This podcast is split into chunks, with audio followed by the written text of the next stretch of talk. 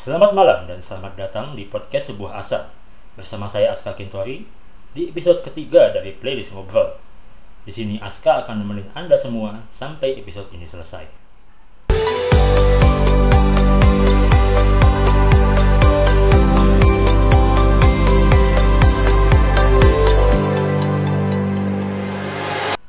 Dan di episode ketiga ini, Aska ingin flashback sejenak dengan salah satu peristiwa penting yang cukup menyita perhatian pada tahun 2006 silam atau kurang lebih 15 tahun yang lalu di mana saat itu terjadi kebocoran tanggul di salah satu pabrik di Sidoarjo, Jawa Timur yang akhirnya menyebabkan lumpur di sana meluap hingga ke pemukiman masyarakat dan juga jalan-jalan umum di sekitar Kecamatan Porong Sidoarjo, Jawa Timur. Peristiwa itu lantas menjadi perhatian media-media nasional dan terus berlangsung dalam waktu yang cukup lama, bahkan sampai bertahun-tahun pada saat itu. Nah, pada malam ini, Aska sudah ditemenin sama salah satu korban dari tragedi lumpur Lapindo di Sidoarjo tersebut. Hari ini wong asli saka Sidoarjo, Rek.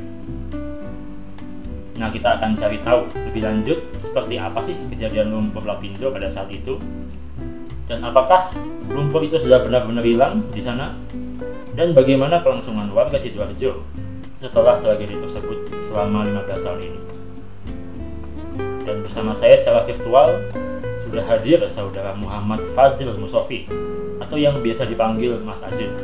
Warga asli Sidoarjo yang merupakan salah satu korban terdampak dari peristiwa kebocoran lumpur Lapindo pada tahun 2006 lalu. Langsung saja kita sapa tamu kita malam ini. Halo Mas Ajun, selamat malam.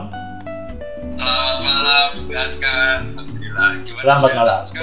Alhamdulillah sehat. Gimana kabarnya Mas Ajun? Alhamdulillah sehat-sehat. Alhamdulillah. Ini sudah di Sidoarjo berarti ya? Iya. Ya. ya. Pulang ke Sidoarjo. Nah di sana ada ppkm juga nggak? Ada. Ada. Kalau di sini sekarang sudah masuk level 3 Level 3. Kalau yang sebelumnya kan level 4 Level 3 tuh kayak gimana? Level 3 ya aktivitas anak-anak sekolahan itu sudah bisa kembali ke cara sekolahan lah. Kalau Oh. dulu kan online beberapa sekarang ini sudah mulai sekolah tatap muka Hmm. Nah, terus eh, ya beberapa mall juga sudah buka, tapi kayaknya harus pakai vaksin. Harus Vaksin. tunjukkan kartu vaksin kalau mau ke mall. Ya. Tapi sejauh ini ya aktivitas sudah mulai terlihat seperti biasanya, tapi tetap ya masker, nah Hmm. itu protokol-protokol itu beberapa yang perlu diterapkan saat di luar gitu. Saat itu. Berarti aktivitas udah mulai berjalan normal ya? Ya, bisa dibilang seperti itu. Iya, iya. Oke, Mas Jun. Sebelumnya kita ingin klarifikasi dulu. Mas Ajun ini beneran sebagai salah satu korban terdampak lumpur Lapindo kan?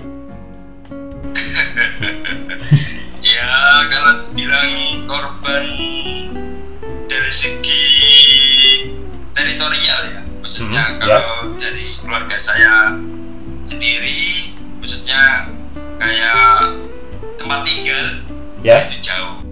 Kalau saya pribadi, ini sekarang lagi di Hmm? Porong ini. Nah, ini di tempatnya Mbak. Nah, jadi Mbak itu punya masjid sama panti di Porong. Nah, ini dekat banget sama lumpur. Oh. Jadi depan ini jalan raya.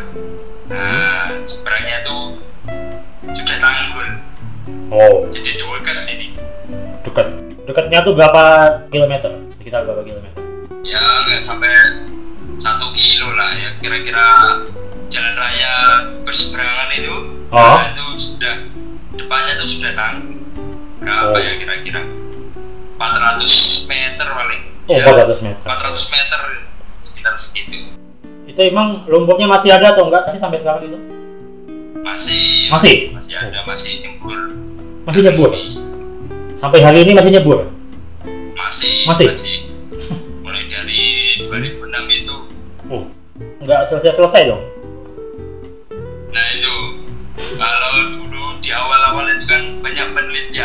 Ya, ya. Banyak yang awalnya itu banyak yang ala ini pasti fenomena yang akan segera selesai ya kan.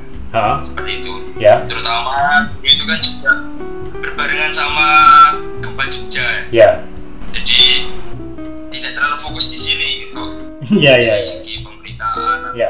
ya perhatian masyarakat dan mungkin ya perhatian pemerintah juga tidak terlalu Ya. di sini kan karena memang saat itu terjadi bencana juga ada di Ya. Jogja. Ya. Nah, nah di 2006 itu ini agak cerita sedikit ya kan. Ya. Eh, setelah beberapa bulan Hmm. ternyata lumpur ini semakin melebar. Oh. Terus betul tanggul, terus tanggulnya ini pun juga beberapa ada yang jebol karena memang tidak sekuat sekarang. Kalau Ya. misalkan prediksi awal ini akan membahayakan paling akan masuk dibuat tanggul yang kuat gitu ya. Mhm. Nah, tapi terlanjur uh, luas, jadi penanganannya agak telat. Nah di Oh. sini banyak penelitian yang mengatakan ini kayaknya ada hubungannya sama gempa Jogja. Karena Oh. harinya tuh sama itu. Ya. Nah itu ada yang meneliti bahwa itu ada hubungannya. Hmm. Nah, ada juga yang paling kuat ya karena memang dampak dari pengeboran itu pengeboran minyak oleh PT Lapindo Berantas. Oh. Nah ini akhirnya dinamakan lumpur Lapindo. Nah, Oh. karena nganggapnya ini bencana dari Lapindo. Ya. ya. PT Lapindo Berantas ini kan perusahaan minyak ya. Ya. Nah, bisa dibilang minyak Sidoarjo ini kan ada lah nah, mungkin terjadi kesalahan pengeboran nah, itu yang akhirnya menyebabkan keluarnya lumpur lapindo ada juga yang meneliti Hmm. dulunya di bawah tanah Sidoarjo itu ada gunung Oh. gunung lumpur gitu Hmm. nah, jadi terjadi pengeboran nah, terus akhirnya gunung purbanya ini aktif kembali Oh. Nah, dan diperkirakan akan berhenti sekitar 30 tahun lagi dan akan membentuk gunung lumpur lagi Ya. Ah. Eh, kan membuat apa namanya lumpur ini tidak berhenti Ah. terus ya membuat tanggul-tanggul itu akhirnya diperkirakan menyebabkan terjadinya gunung lumpur tapi Oh, iya, iya, itu adalah penelitian ya nah, kita tidak tahu tapi yang jelas Alhamdulillah sejauh ini sudah bisa dibilang tertangani ya karena Ya. Ya. kalau mungkin dulu awal-awal itu banyak dengan berbagai macam cara bahkan hal gaib pun dilakukan Ya. ada dulu itu melemparkan Oh. Ah, jadi ritual ritual itu macam-macam itu melemparkan anak kuda dengan menganggap bahwa ini tuh biar bisa berhenti. Ada ular naga di dalam lumpur ini. Wah macam-macam nah tapi ya dengan berbagai macam penanganan dengan baik ya alhamdulillah sekarang ini sudah bisa dibilang tertangani. Lumpur-lumpur ini beberapa ya dibuang ke sungai. Sungai Hmm. berantas. Sungai Berantas. Dialirkan Ya. ke laut ya Berarti 30 tahun berarti tahun 2036 kira-kira akan selesai. Ya. ya wah wah wah alam ya tapi kalau misalkan dari penelitian 30 tahun ya mungkin segitu Hmm. Hah? kadang kemarau kalau Hmm. kemarau Hmm. itu kadang lumpur-lumpur itu kering itu Nah, saya Hmm. pernah berjalan di atas lumpurnya itu kadang kering itu Nah, Iya, iya. Nah, terus Mas Ajun ini pertama kali dulu tahu adanya lumpur nih dari mana? Dari media massa atau dari masyarakat atau malah lihat sendiri lumpurnya waktu itu? ya campur-campur keluarga sendiri dari keluarga sendiri dari ya, jamaah juga Hmm. dari media massa juga nah Hmm. tapi memang waktu itu kan juga muncul beberapa sumber terbaru istilahnya seperti itu Ya. artinya tidak hanya lumpur saja bahkan ada yang keluar gas Oh. jadi di rumah warga itu ada yang tiba-tiba keluar gas gitu. Hmm. terus muncul semburan baru Hmm. lumpur gitu nah termasuk di Banti ini Hmm. dulu pernah muncul air setinggi 20 meter alhamdulillahnya itu air bersih jadi Air bersih. bisa dialirkan ke warga juga nah, sempat berhenti Hmm. terus muncul lagi 7 meter terus sekarang ini sudah berhenti cuma beberapa hari saja terus sudah berhenti Oh. ada juga yang tackle-tackle itu pada retak kan Mhm, ya. Nah, saat retak di ya apa api itu itu nyala karena ada gasnya Oh. Lumpurnya itu sampai ke jalan-jalan umum juga atau enggak? Agak mirip kayak banjir gitu.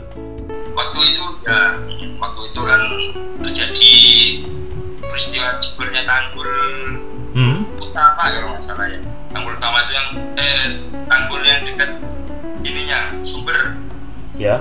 sumber lumpurnya itu nah itu jebol terus akhirnya sampai keluarga warga Hmm. nah itu wah itu kacau waktu itu karena memang masyarakat kan warga Borong ini Hmm. banyak yang kerjanya petani Oh. jadi lahan keluarga ini yang akhirnya tidak bisa digunakan kembali Hmm. dan lumpur Nah, waktu itu ada jamaah yang cerita itu Ya. ke bapak saya itu alhamdulillah pak sebentar lagi mau panen Hah? Nah, tinggal beberapa bulan lagi ya. Nah, ternyata kodirulahnya ada lumpur itu jadi uh, warga-warga pada sedih gitu waktu itu akhirnya ya Ya. alhamdulillah sini aman kalau di sini terkena cuman masih aman gitu. Masih bisa dikatakan aman. Jadi pada ngungsi di sini juga berapa? Terus kalau Mas Ajun sendiri waktu itu apa nih reaksinya? Pada saat itu pertama kali gimana? Oh ada lumpur nih di Sidoarjo, terus apa reaksinya waktu itu? reaksinya sedih. Maksudnya? Dan tidak menyangka ya maksudnya. Hmm. kok ternyata begitu dahsyatnya. Bahkan eh, bencana yang cukup lama ya. Ya. bisa dibilang cukup lama. Karena tiga tahun ini pun masih ini. Berarti hitungannya berapa tahun? 15 tahun. dari 15. 15 tahun. Ya. nah, oh ya 15 tahun sekitar 15 tahun. Nah ini ternyata cukup dahsyat gitu ya. Dan ini akhirnya mengajarkan kepada kita semua untuk tidak meremehkan ya fenomena alam yang terjadi. Tapi yang jelas juga ini ya ada pembelajaran lah dari sini mungkin untuk bisa menghargai alam gitu juga kan Ya. Terus aktivitas saat itu sempat terhenti ya? terhenti Terhenti. jadi banyak juga yang mengungsi di pasar Hmm. dibuat posko-posko itu untuk tempat tinggal dari warga yang sudah terkena itu Yang terhenti itu hanya di Porong aja apa satu Sidoarjo itu terhenti semua? ya yang terdampak ada tiga kecamatan 15 desa. Tiga Hmm. kecamatan itu dari Porong, Tanggulangin dan Jambon kalau tidak salah. Nah ini sebagian dari Tanggulangin itu tidak semuanya ya sebagian Porong juga sebagian Hmm. Jambon itu entah semuanya itu sebagian juga ya. Tapi ya cukup banyak yang terdampak 15 desa tiga kecamatan itu. Jadi bisa dibilang sangat luas. Sangat luas. Kalau misalkan lihat di YouTube ada yang syuting pakai drone itu wow masya Allah itu kelihatan kayak danau lebar itu Bisa dibilang hampir setengah Sidoarjo itu udah kena semua ya? oh tidak kalau setengah tidak Oh, setengah tidak. cukup luas Iya. ya paling seperempatnya lah Seperempatnya. jadi bisa dibilang cukup luas Terus waktu lagi rame-ramenya saat itu masyarakat pada ngapain sih? masyarakat yang terdampak ya? Pada ngapain? pada ngungsi rata-rata Hah? pada ngungsi terus ada yang berusaha nyelamatin hewan peliharaannya maksudnya kan hewan ternak hewan Oh, iya. ternaknya nah itu tapi yang Hmm. juga cukup kesulitan ya Ya. Oh, saat itu kacau balau Hmm. Hmm, jadi ya penyelamatan diri ini yang juga lebih utama Rumah-rumahnya itu akhirnya kena lumpur semua nggak bisa diapa-apain. iya Iya. banjir lumpur Banjir lumpur. Jadi banjir lumpur dengan adanya banjir lumpur itu ada barang-barang yang nggak bisa diangkat jadi akhirnya ya kena aja lumpur jadi basah kuyup lah gitu. iya Ya, iya tingginya lumpur itu seberapa? Berapa meter? Yang paling tinggi? Wah, sekarang berdasarkan tanggul paling 20 meter ada. Kalau Betul. tidak salah lah ya. Tapi di Google ada nggak? ya? Tapi tinggi gitu lah. Yang sampai rumah warga loh. Itu tiga empat lantai ada lah. Tiga empat lantai. Mm-mm. Berarti udah tenggelam semua ya? Iya. Iya, kalau yang ya yang sudah bisa dibilang ke timur, timurnya itu sudah Hmm. Udah tenggelam. ya itu ya Ketika musim kemarau lumpurnya keras, terus jadi apa itu rumahnya tuh kemudian? rumahnya sudah kalau yang sudah terkena lumpur ya sudah sulit untuk diatasi karena memang sudah masuk ke rumah-rumah terus habis itu semakin lama semakin Ya. tinggi maksudnya eh, volumenya kan semakin Hmm. Gitu kan Iya. Nah, akhirnya ya terpaksa memang harus benar-benar pindah warga Oh. itu yang memang rumahnya terkena lumpur itu harus benar-benar pindah Hmm. jadi beberapa warga ini sudah mencar Hmm. ada yang di eh, Malang ada yang di eh, sidoarjo yang lain Surabaya Pasuruan sudah nyebar ke mana-mana Itu sampai sekarang masih seperti itu atau enggak? Udah hilang terus dibikin bangunan yang lain enggak di tanah itu yang kena lumpur itu?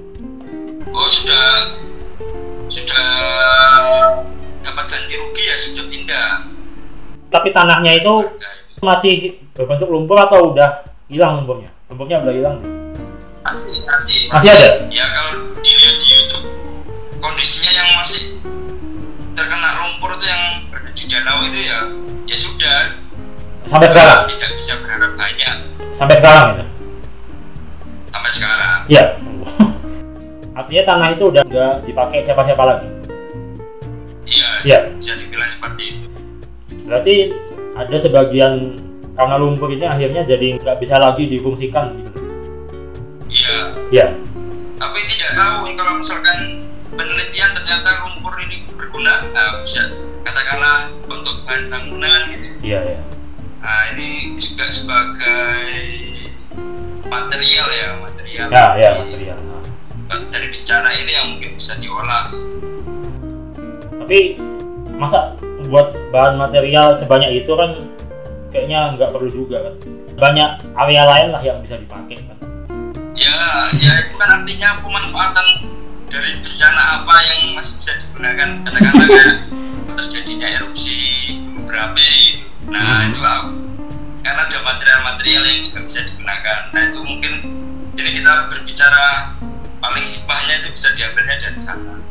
Ada juga dulu warung itu yang memanfaatkan gas yang ada di ya dampak dari lumpur itu karena ada gasnya. Itu nah itu nah, gimana caranya? Akhirnya dia memanfaatkan gasnya itu untuk memasak juga. Oh gitu. Sampai sekarang semua tanah yang udah kena lumpur beberapa meter itu masih kayak gitu juga kondisinya. Masih mati kayak gitu. Belum dipakai jadi apa gitu. iya Ya, belum selain yang tadi jadi bahan bangunan itu. Iya. Ya. Oh. bahkan beberapa rumah yang dekat sama lumpur tapi nggak terkena lumpurnya banyak yang pindah dalam artian sini itu Udah sepi. udah sepi ini Ya, sepi kan? Hilang semua udah Iya. iya. kopi lagi belakang kuburan Oh. ya penduduknya tinggal yang ada di panti ini sama yang di kuburan Nah, terus ada nggak bantuan dari pemerintah pada saat itu?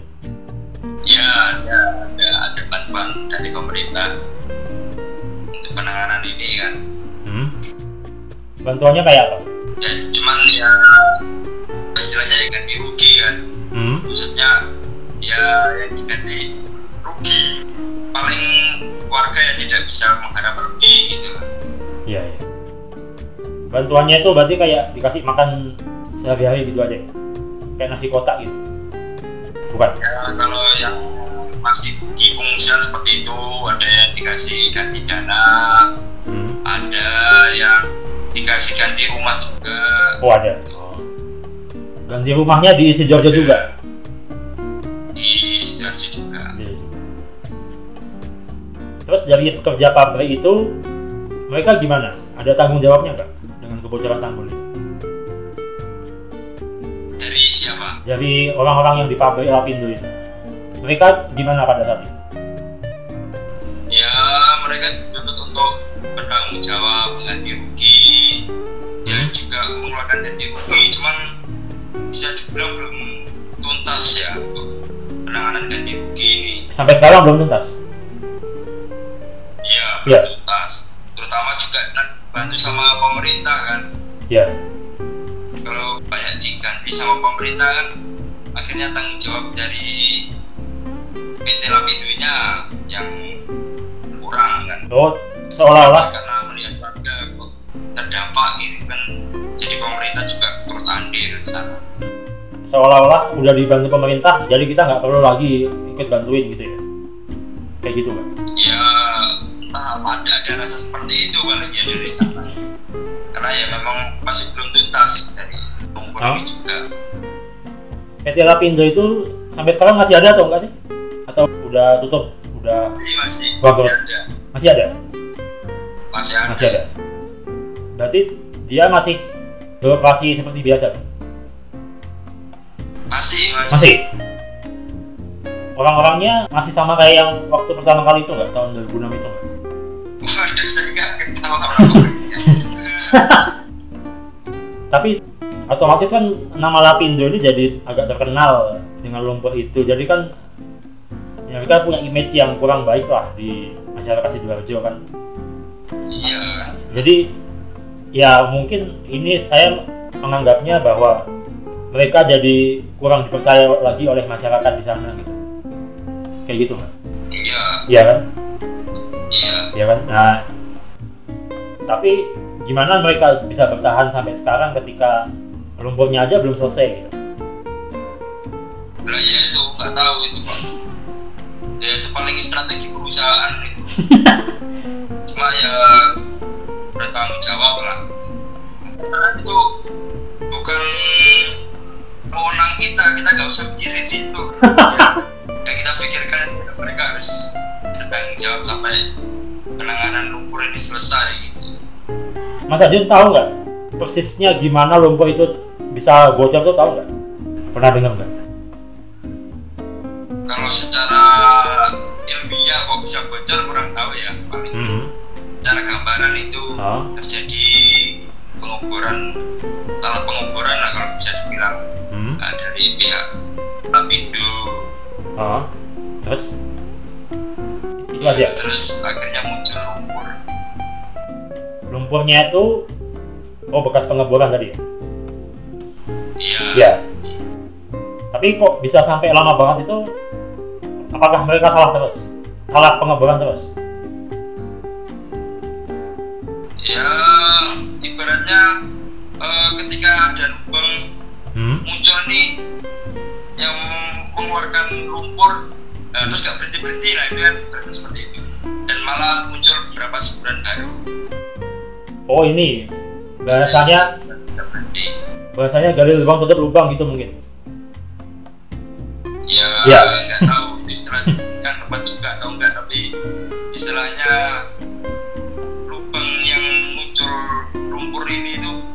ya masih keluar gitu Artinya lubangnya nggak cuma satu kan? Lubangnya ada banyak kan? iya Ya kan?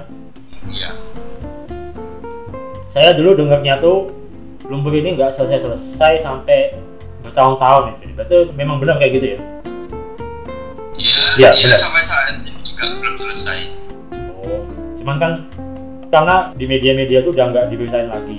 Jadi kayak nggak ya kayak nggak tuntas gitu.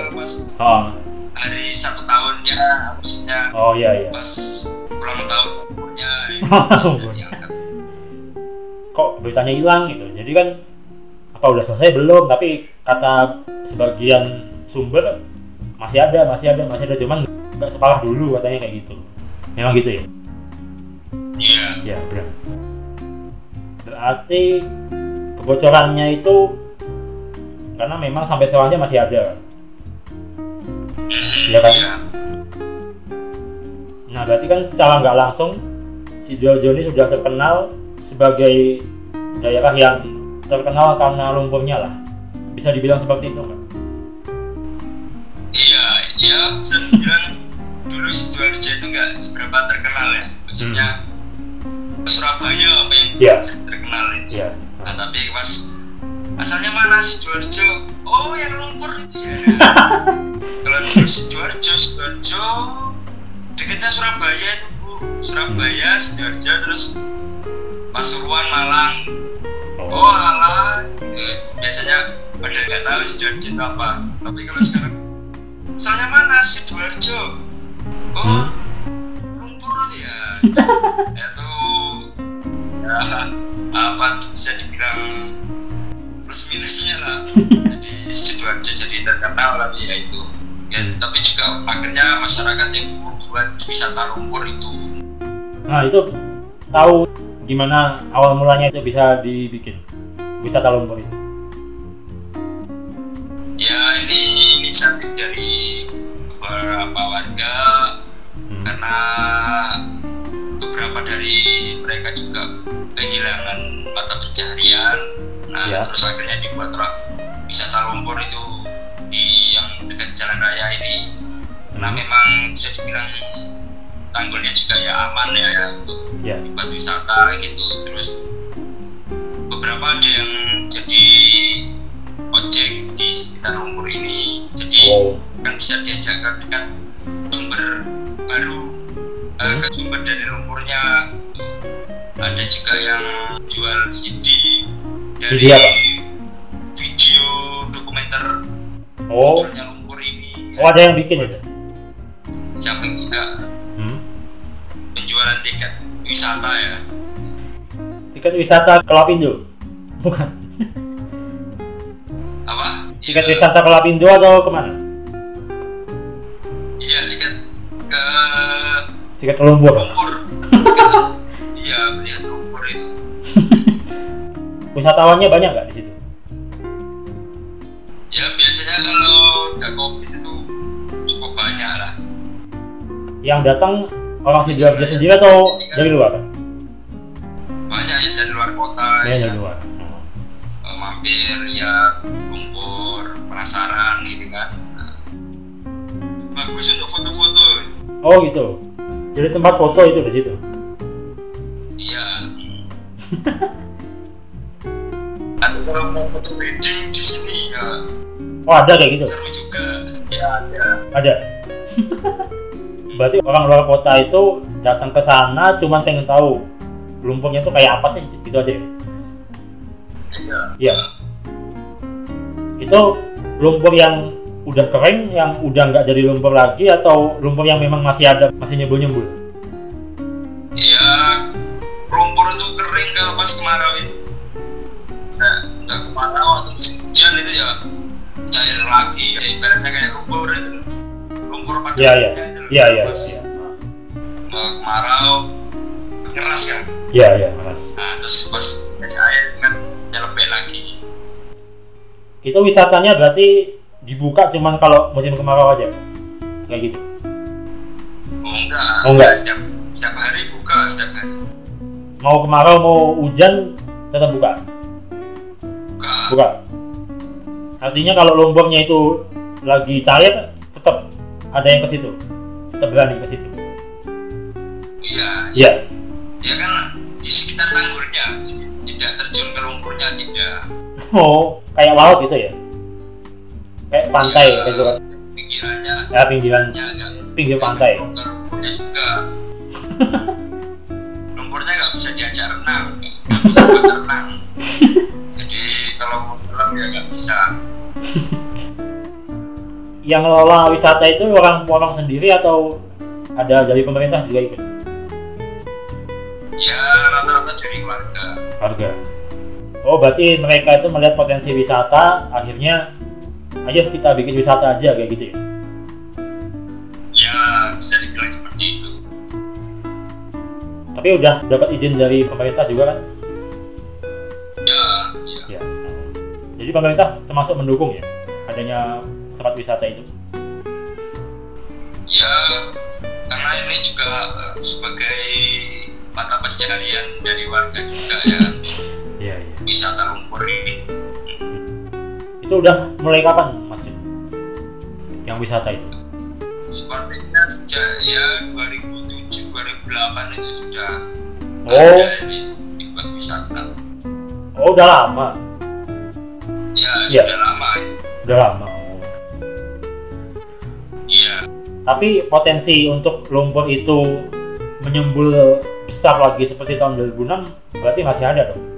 Kalau lumpurnya sendiri masih muncul terus, tahu kurang tahu. karena dulu sendiri juga tidak bisa diprediksi tapi ya kita berdoa saja Iya. semoga tetap aman dan bencana ini kita bisa manfaatkan apa yang bisa dimanfaatkan Hmm. Dalam artian ya bisa jadi ya lumpurnya tuh jadi bahan material gitu ya iya. kalau nggak salah sudah ada yang memakai itu jadi bahan material cuman ya karena lumpurnya sendiri ini kan masih menyumbur ya masih Hmm. Masih cukup rawan ya Iya, iya. Nah, pelajaran apa nih yang bisa dipetik oleh Mas Jun dari kejadian lumpur lapindo ini? Yang mungkin bisa jadi pembelajaran juga untuk pabrik-pabrik di wilayah lain.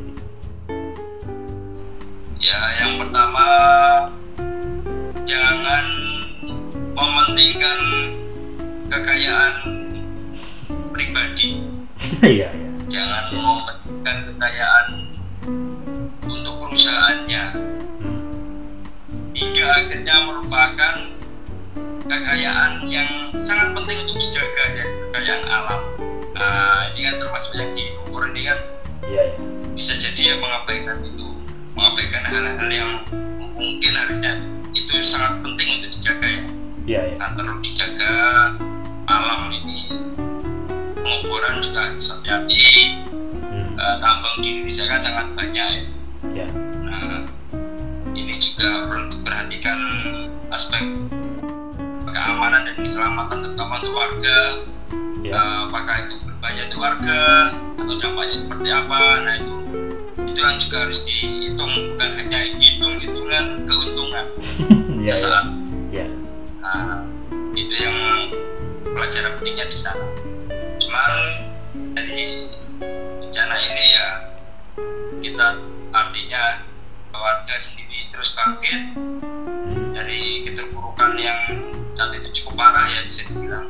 Iya. Nah, dan gotong royong artinya kalau ada bencana kekuatan gotong royong itu tetap harus ada untuk saling mensupport lah yang terdampak ini seperti itu tuh. Ada lagi pelajaran yang bisa dipetik? ya banyak dari teman-teman sendiri kalau misalkan lihat dari kisah lumpur bisa menyimpulkan sendiri kira-kira apa uh, nilai-nilai besar yang ada di lumpur ini karena memang ini suatu hal yang fenomenal ya bahkan Ya. di dunia ya Nah, Ya. itu banyak sekali pelajarannya dan tidak bisa disebutkan satu-satu tapi bisa kita Iya, iya. kategori lah bisa kita dalami apa pelajaran yang bisa diambil banyak sekali. Oke, oke. Termasuk kreativitas ya misalnya kreativitas oh ini jadi wisata nah ini kan juga Iya, iya. ya itu banyak lah banyak pelajaran yang bisa diambil Ya, baiklah guys, sampai di sini dulu podcast sebuah asa episode ketiga dari playlist ngobrol untuk kesempatan kali ini. Bersama salah satu korban lumpur Lapindo Sidoarjo tahun 2006, Mas Fajrul Musofi atau Mas Ajun. Saya ucapkan terima kasih kepada Mas Ajun karena sudah bersedia menjadi tamu di podcast saya hari ini. Makasih Mas Ajun. Semoga Mas Ajun nggak bosan-bosan untuk terus jadi bintang tamu di sini. ya siap siap nanti kapan-kapan diundang ke tempat saya Oke. mampir ke nah Ya, monggo mampir mampir ke wisata. ya Ya. ini dekat Dan akhir kata, saya Aska Gintori dan saya Muhammad Fajrul Sofi kami berdua pamit dari hadapan Anda semua dan sampai jumpa. sampai jumpa